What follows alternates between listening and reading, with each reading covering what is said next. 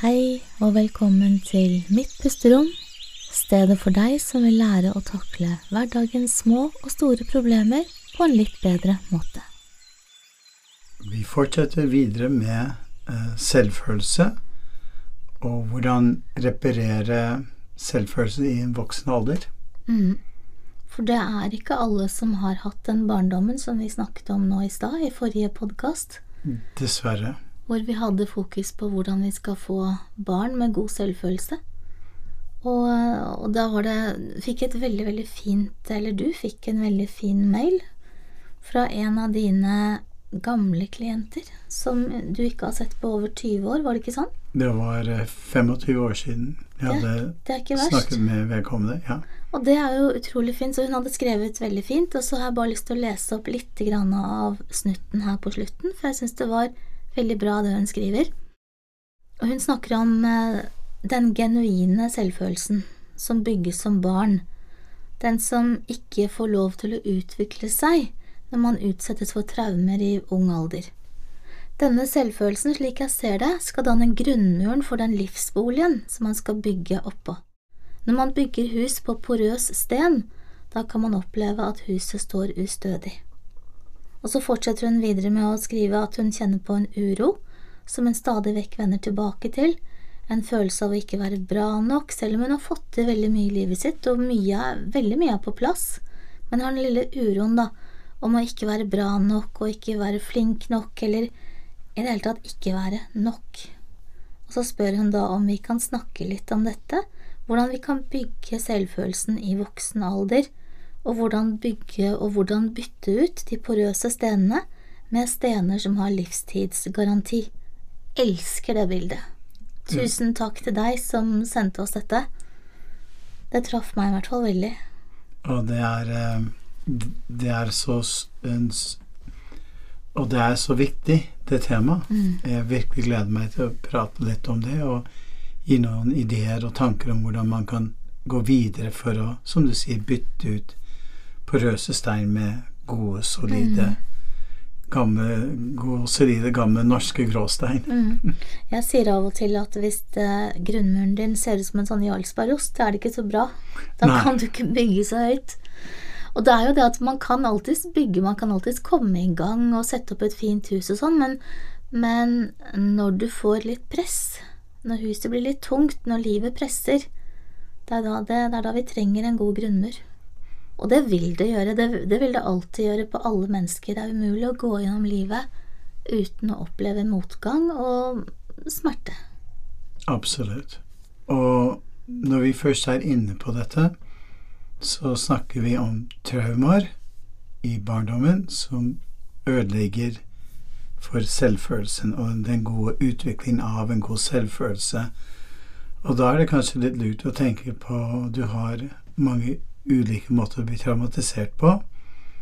Du har eh, en av foreldre som er alkoholiker eller rusmisbruker, og de kan være snill eller slemme, en variant av det. Og så kan du ha seksuell overgrep, eller du kan også bare ha fysisk overgrep med i form av slag. En annen type traume som er kanskje litt mer subtilt, er av foreldre som har sier veldig stygge ting til barnet sitt. Eh, jeg syns i grunnen mange foreldre er Hvordan de kan traumatisere barn, det er utrolig en lang liste. For lang liste. Nå har du snakket om alt det de gjør, men det kan også være hva de ikke gjør. Absolutt. Eksempel som at de da ikke møter barnet som står der med en, og vifter med en tegning som de har fått med hjem fra skolen. Og dette er mer enn normalen. Av og til så kan vi alle sammen snu oss vekk. Men hvis det er normalen at du oftere avviser barnet ditt enn at du ser det, så blir det også et traume. Det kan være traume alle de bursdagene du ikke ble invitert til, eller de klemmene du ikke fikk, den omsorgen som uteble. Veldig enig. Og det som er viktig å huske på, at alle foreldre vil på en eller annen måte traumatisere sitt barn. Du blir sint når du ikke skal. Du lytter ikke når du skal. Så vi snakker ikke om at det skal være perfekt, men vi snakker om at når du merker at ting ikke er bra, så reparerer du forholdet. Bare så det er sagt. mange folk forstår ikke eller er ikke obs på hvor viktig det er den reparasjonsbiten i alle relasjoner.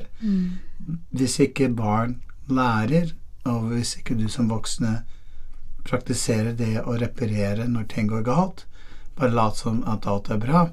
Men det blir en egen podkast som vi kan komme tilbake til, hvordan reparere når ting går galt. Vi har liksom en tendens til å lage nye podkaster hver gang vi prater sammen. Ja. Så, så kommer vi på nye ting. Men hvis vi nå gjør det litt strukturert her, Sigurd. Vi snakket jo litt om selvfølelse, hvordan vi skulle få god selvfølelse hos barn i stad. Og da snakket vi bare for å gjenta det nå, i tilfelle du ikke har hørt det. Så handler det om å ha en god følelse om seg selv, ha en sterk selvverdi, føle at du er verdt noe. Og da får man veldig mange positive effekter av det. Og tilsvarende, hvis du ikke har god selvfølelse, så kan det hende at du får noe av dette. Og det er for eksempel hvis du kanskje tviler på deg selv veldig ofte. Hvis du eh, kanskje er usikker på hva som er rett og galt. Hvis du har mer fokus utover på andre mennesker. Eller hvis du av og til også sier negative ting til deg selv og kritiserer deg selv, og tenker 'Å, herregud, jeg er så dum, jeg får det aldri til', 'jeg klarer ingenting'. Det er vel en sånn følelse av å aldri være bra nok. Du er ikke pen nok, du er ikke slank nok, du er ikke flink nok, du er ikke sterk nok, du er ikke høy nok. Hva det nå enn måtte være. Men du er ikke nok. Og den følelsen av å ikke være nok vil jo også gi en følelse av å ikke være verdifull. Og det vil jo gjøre at folk gjerne trekker seg vekk fra andre, for de har jo ikke lyst til å bli dømt. Og da begynner man å bli litt isolert. Så det man kjenner i kroppen, er en form for uro. Noe mennesker kan kanskje kalle en form for angst, men det er kanskje ikke en så sterk følelse som angst. Det er ikke noe panikk, det er bare en sånn følelse En sånn nedstemthetstype følelse.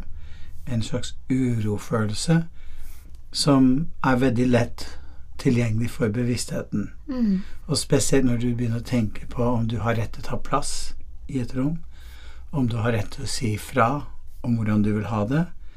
Eh, og, og, da er det veldig viktig å, å, huske på at dette er en fy, fysisk opplevelse. Mm.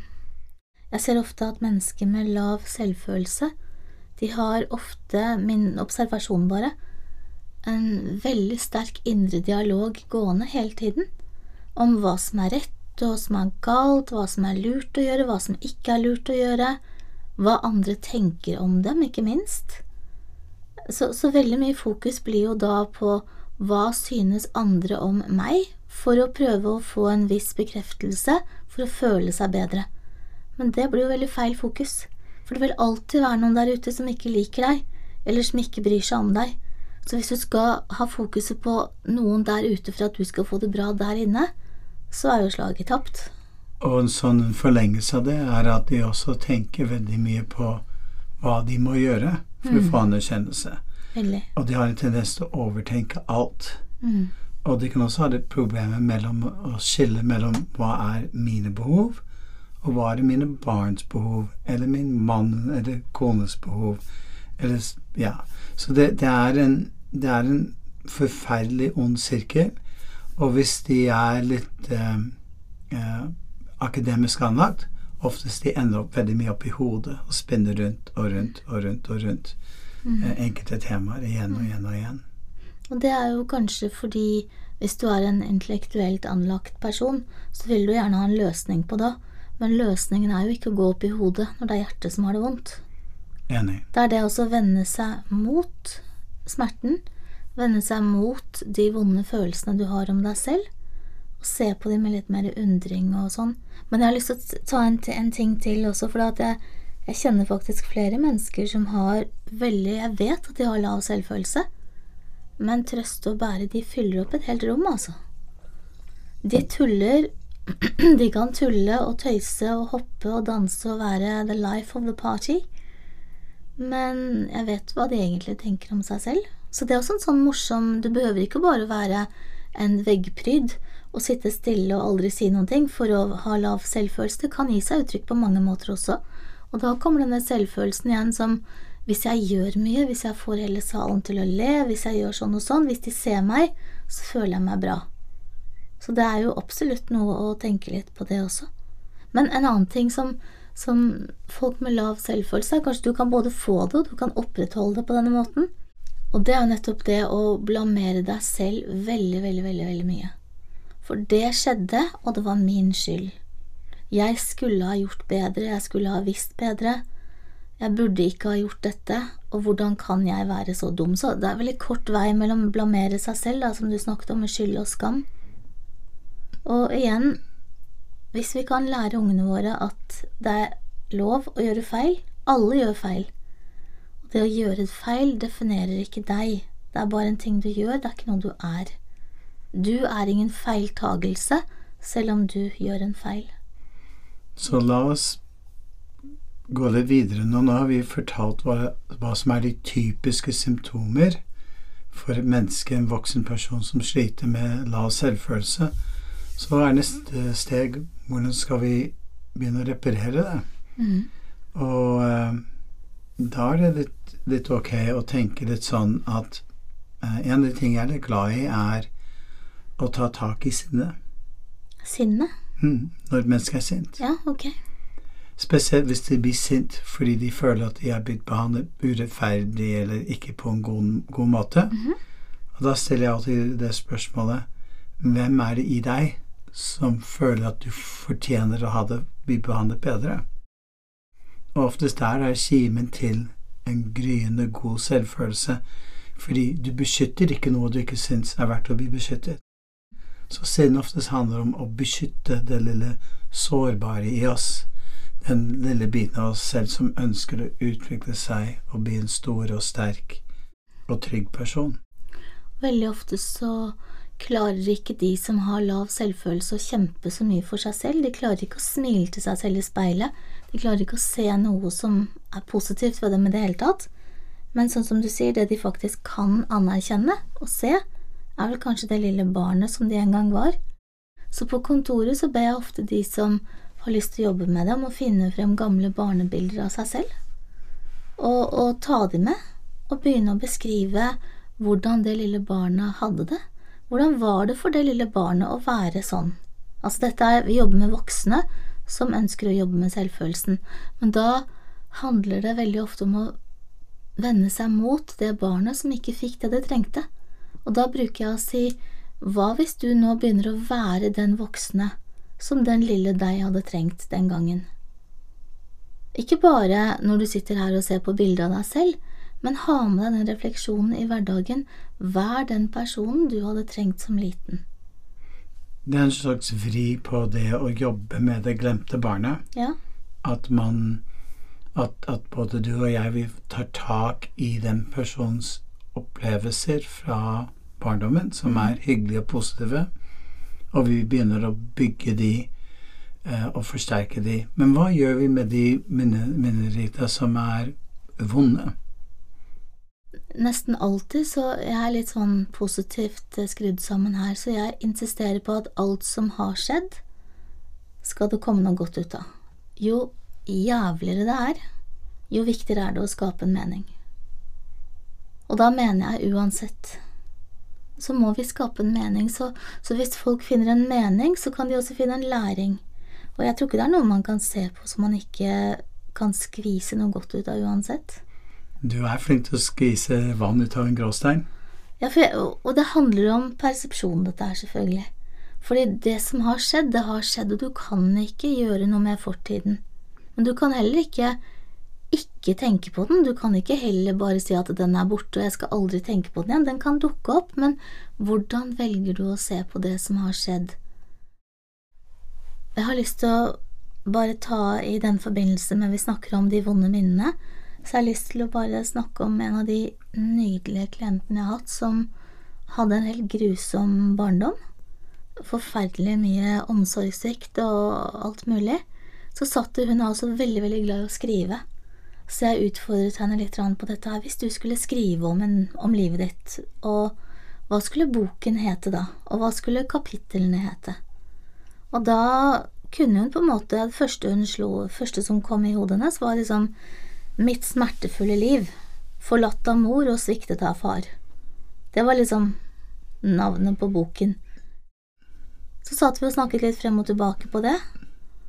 Eh, hva hvis hun endret eh, tittelen til Jenta som aldri ga opp? Min beste familie fant jeg som voksen, som undertittel. Igjen, dette med persepsjonen.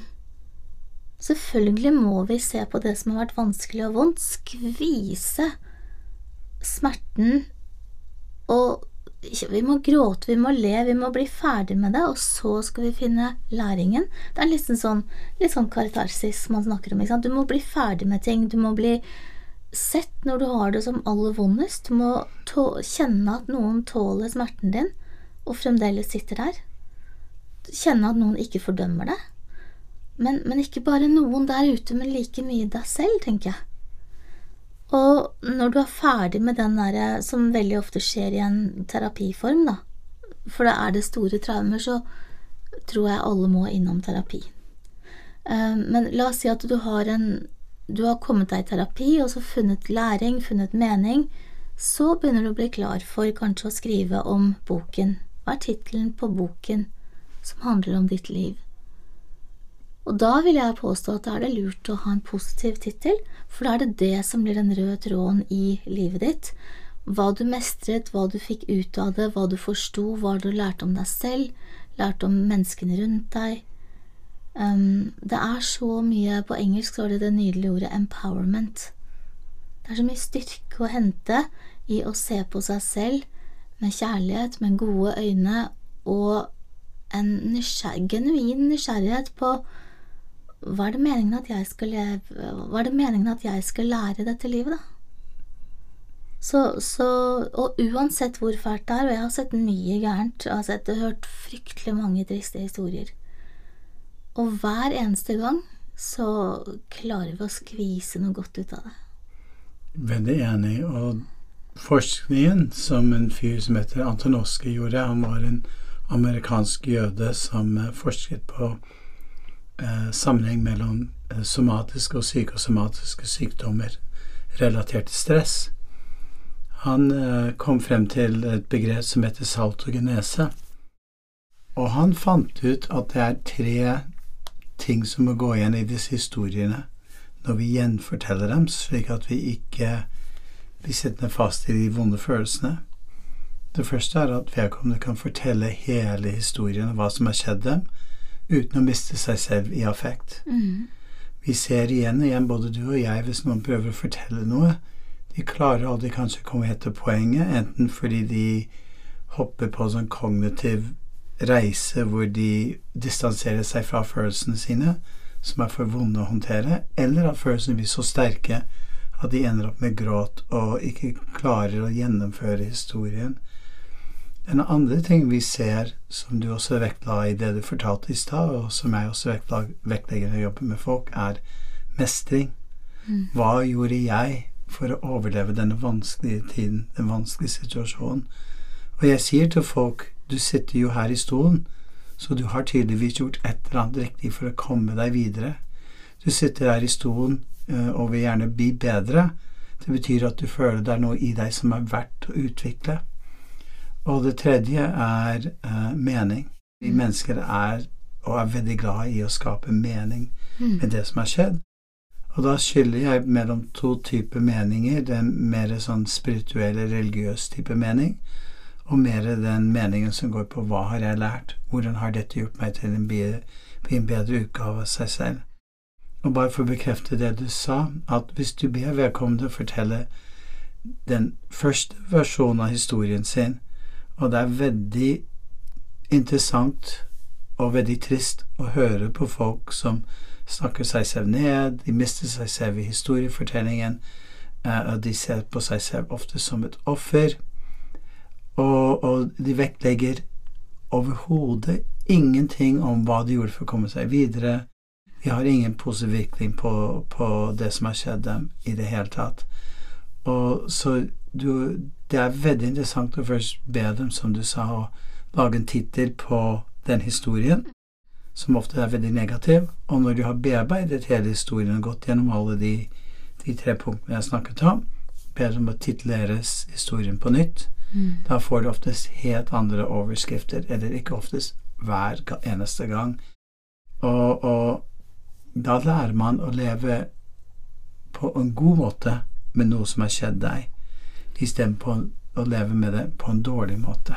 Ja, det, det er jeg helt enig med deg. Og jeg, I tillegg til at, folk sier at jeg har så lav selvfølelse Og det, dette er det samme spørsmålet jeg stiller til alle som sier at jeg er deprimert eller har angst. Så sier jeg Men hvordan holder du den lave selvfølelsen i live? Hvordan, hvordan gjør du det? Og det er sånn som folk nesten ikke tenker på. For ja, men jeg bare har, selv, jeg har lav selvfølelse. Jeg bare er sånn. Nei, du er ikke bare sånn, du holder den levende.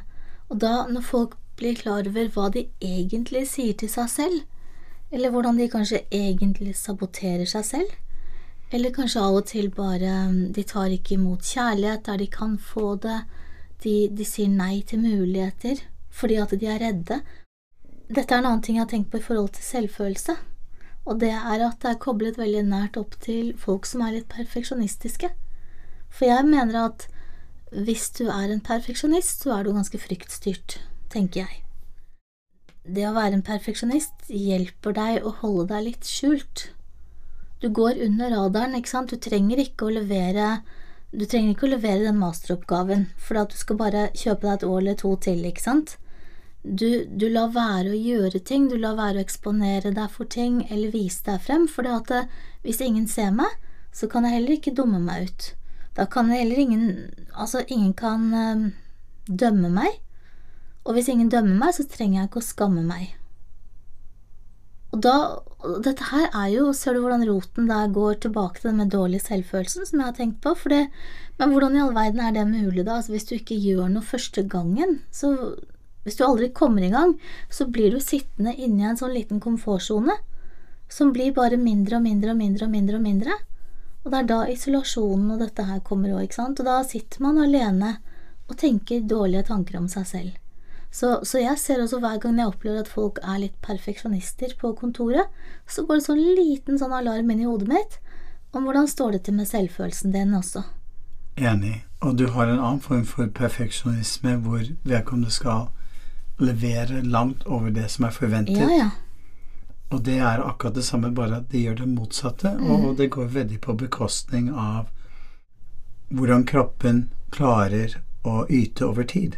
Fordi du sliter deg selv ut, og du blir da utbrent. Jeg sier ikke at alle som blir utbrent, Nei. faller innenfor den kategorien, men det kan være et utfall hvis man er hele tiden på ja, jager etter å være perfeksjonist. Mm. Og da kommer det store i forhold til dette med perfeksjonisme og, og selvfølelse og dette som vi må jobbe med som voksne, så jeg syns et annet veldig spennende spørsmål der som vi som voksne kan stille oss, er hva er det du er uvillig å føle?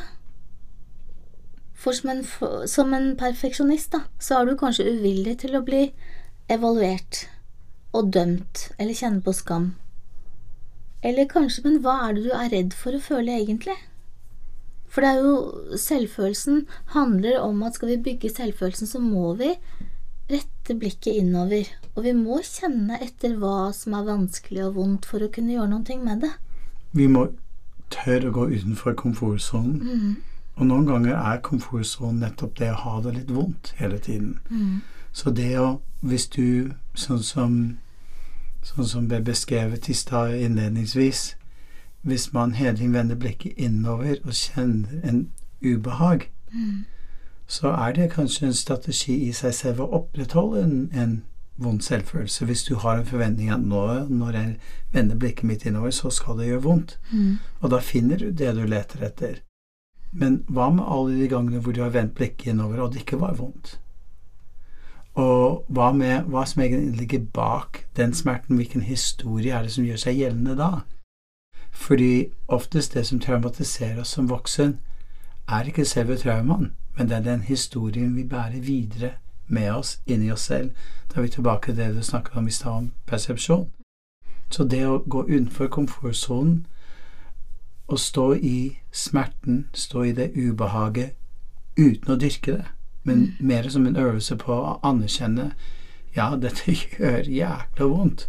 Og så stå i den smerten og prøve å bringe noe nytt, en ny følelse inn i den smerten. Og den nye følelsen handler om nysgjerrighet. Nysgjerrighet er så frykt ofte særlig er det en sånn konservativ følelse hvor vi trekker oss vekk, og vi skal beskytte, og vi skal ikke endre på status quo. Og den er jo også linket opp til selvfølgelig fight or flight. ikke sant? Da kommer du i forsvarsmodus, i angrepsmodus. Ja, ja. Men når du har f.eks. jobbet med mindfulness, og du kommer litt mer i vater med deg selv, så du er vant til å kunne stå i de vonde følelsene, da kan du utvikle selvfølelse ved å møte den smerten med nysgjerrighet om hva som egentlig ligger bak. Hvorfor, hvilken tanker, følelser er det jeg tenker som er med på å opprettholde den, det ubehaget? Og jeg tror gjennom nysgjerrighet så kan du begynne å skape nye rom, nye måter å forstå seg selv på. Og det, det er så stor forskjell på dette med nysgjerrighet kontra det å ha en forventning til. For hvis man er nysgjerrig, så er man bare åpen, akkurat som et barn som skal gå ut i verden og er nysgjerrig på hva for noe spennende fins ute i, i skogen, ikke sant. Hva, hva kan jeg finne? Og så tar de med seg kanskje en metalldetektor eller noe sånt, ikke sant. Og, men som voksen så gjør vi det kanskje fordi at vi håper å finne gull, og så har vi, vi har en forventning om å bli rike med detaljdetektoren. Mens ungene kanskje bare ut og er så er kjempespennende å finne en skrue, for det pep. Ikke sant? Nysgjerrigheten kontra forventningen, den er veldig stor og veldig viktig å være obs på, tror jeg. I forhold til når man jobber med seg selv, eller skal snakke med andre. Men altså være nysgjerrig på hva som finnes inni Ikke ha en forventning om at hvis jeg nå mediterer eller gjør det og det så mange dager, eller i 14 dager eller 10 uker, eller hva det er for noen forskjellige kurs man kan ta, da er jeg i mål. Det er den nysgjerrigheten, vennlig, undrende nysgjerrighet, som, som er så viktig. Og et spørsmål som jeg syns er veldig viktig å undre litt over, og undre seg over, å være nysgjerrig på, er hva er det som gjør et menneske verdifullt, da? Det var et spennende spørsmål. Og jeg tror ikke det er ett svar. Jeg synes dette er, Det er ikke noe fasitsvar på det. De, mest, de beste spørsmålene er det jo ikke fasitsvar på, syns jeg, da. Ja, og hvis jeg baserer Hvis jeg tenker på meg selv Ja, og prøver å svare på det spørsmålet, så bare blir jeg overveldet av en god og positiv følelse okay. som sitter i brystet. Men du er jo også veldig kinestetisk. Altså, du kjenner ting veldig i kroppen. Du sanser ting i kroppen. Ja. Mm. ja. Så, så for meg så er det forankret i, i kroppen. Men når du stiller det spørsmålet, så får jeg også opp en veldig konkret minne om faren min. Okay. Han var en sånn artig skrue. Jeg vet ikke om han, hadde, om, om han hadde ekte god selvfølelse, men han kunne gå forbi et speil og klappe seg selv på skulderen og si på engelsk You handsome devil, you. Og det er veldig morsomt å tenke på. Så han var kanskje ikke alltid den beste rollemodell på mange andre punkter, men akkurat det å kunne virkelig synes litt godt om seg selv når man ser seg selv i speilet, mm. det er en Det i hvert fall har skapt en god minne hos meg, da. Det er jo kjempehyggelig med sånne, sånne minner. Så, så det har du også overført litt til gutta dine. Du har alltid vært flink til å skryte av dem. Og, yeah. og si at de er bra nok. Antagelig litt fordi at for faren din han sviktet på et par andre områder. Men akkurat der, det der fikk han til. Så da har du stått i en han, Det er ikke noe han har lært deg, det er noe du har modellert. Altså rollemodellering, og den er viktig. Og når det gjelder mine egne barn, det jeg har vært veldig obs på, er den gode klemmen. Mm. Jeg er glad i deg fordi du er den du er. Og det er kanskje noe overførbart som voksen. At du kan se deg selv i speilet, late som at du gir deg selv en klem, late som du gir det lille barnet i deg selv en klem. Klemme en pute. Det var det jeg skulle si. Klemme en pute. Og bare si Vet du hvorfor jeg er så glad i deg? Mm. Fordi du er den du er. Og minne seg selv på hele tiden at du har en egenverdi i kraft av deg selv. Mm. Og husk på at da er man ikke nødvendigvis i mål. Det å komme i mål handler om å hele tiden tørre å utfordre det som er din komfortsone. Hvis din komfortsone da tenker jeg er ikke bra nok, jeg henger litt med hodet, da må du kanskje lære å rette opp kroppen, se folk i øynene. Kanskje du må lære å tørre å se se deg selv med et positivt lys. Anerkjenne at du av og til, eller kanskje ofte enn du tror, gjør mange gode og riktige ting. Og, og på den måten her så begynner du å utvikle en å reparere det som har skjedd med deg i barndommen. Vi har jo ikke snakket så veldig mye om hypnose og hypnoterapi, eh, men det kan også være en veldig god måte å reparere det som har vært gjennom en sånn virtuell opplevelse av at du får det du har savnet Mm. i barndommen. Ja, vi har jo på mittpusterom.com så har jo vi ganske mange lydfiler nå. Og jeg har laget en del som handler om dette med selvfølelse, selvverdi, selvbilde. Og fått utrolig god tilbakemelding på dette av helt voksne mennesker i 40-50-60-årene. Som faktisk, eh, som faktisk syns at når de bare ligger der, ikke sant Måten man gjør det på, at man tar på seg øretelefoner, legger seg på et godt sted, og så ligger man bare stille og tar imot de ordene og de lydene som kommer. Så veldig sånn som en meditasjon. Og på hvert fall et par av disse meditasjonene som jeg har laget, så er det veldig mye om at jeg sier ting som eksempel affirmasjoner. Altså når du er i en dyp, avslappet tilstand, så er det lettere for å ta til deg det som blir sagt. Så når du er avslappet og jeg sier at eh, du er verdifull, du har en mening fordi du finnes, du er verdt å elske. Når jeg sier sånne ting i en avslappet tilstand, så går det inn på et helt, helt annet og mye dypere nivå. Og, og dette her, jeg liker å, når jeg snakker om selvfølelse, jeg liker å gjøre litt, ha det litt strukturert, da. Så sånn som du var inne på i stad, det er veldig mye vi kan gjøre for å få en bedre selvfølelse bare ved å tenke og dele opp med hva vi gjør med kroppen, altså den fysiologiske skiftet med kroppen. Vi kan gjøre ting med emosjonene våre, og vi kan gjøre ting på det mentale. Så hvis vi tar bare kroppen først, så kan vi selvfølgelig rette oss opp i ryggen. Um, Vi kan slappe av i skuldrene, vi kan stå balansert. Vi kan kjenne at vi er til stede. Vi kan kanskje av og til også knyte hendene litt. Det har jeg brukt som en sånn Jeg leste en artikkel om det i forbindelse med den stressboken vi skriver. Så det å knyte hendene eh, når du står rakt, og du har bena litt fra hverandre og knyter hendene, akkurat som du er klar til kamp, ikke sant? Mm. Eh, Eller holde hendene knytt under bordet, kanskje, mens du sitter rundt et møte, så får du en liten boost av testosteron umiddelbart. Og det gjør deg, testosteron gjør deg litt sterkere i øyeblikket. Du, du er mer klar. Og det er klart, selvfølelse Uansett hva som skjer, så takler jeg det. Så det å bruke kroppen litt, det å ta gode, dype pust, få med deg snakk klart og tydelig, ta litt plass, bruk armene, strekk deg, gjør deg høyere. Kjenn at du er fleksibel, kjenn at liksom du er venn med kroppen din. Disse tingene her er den fysiologiske eller fysiske tingene som vi kan gjøre for å føle oss litt sterkere. Og så har du selvfølgelig det mentale, det er mer hva du sier til deg selv.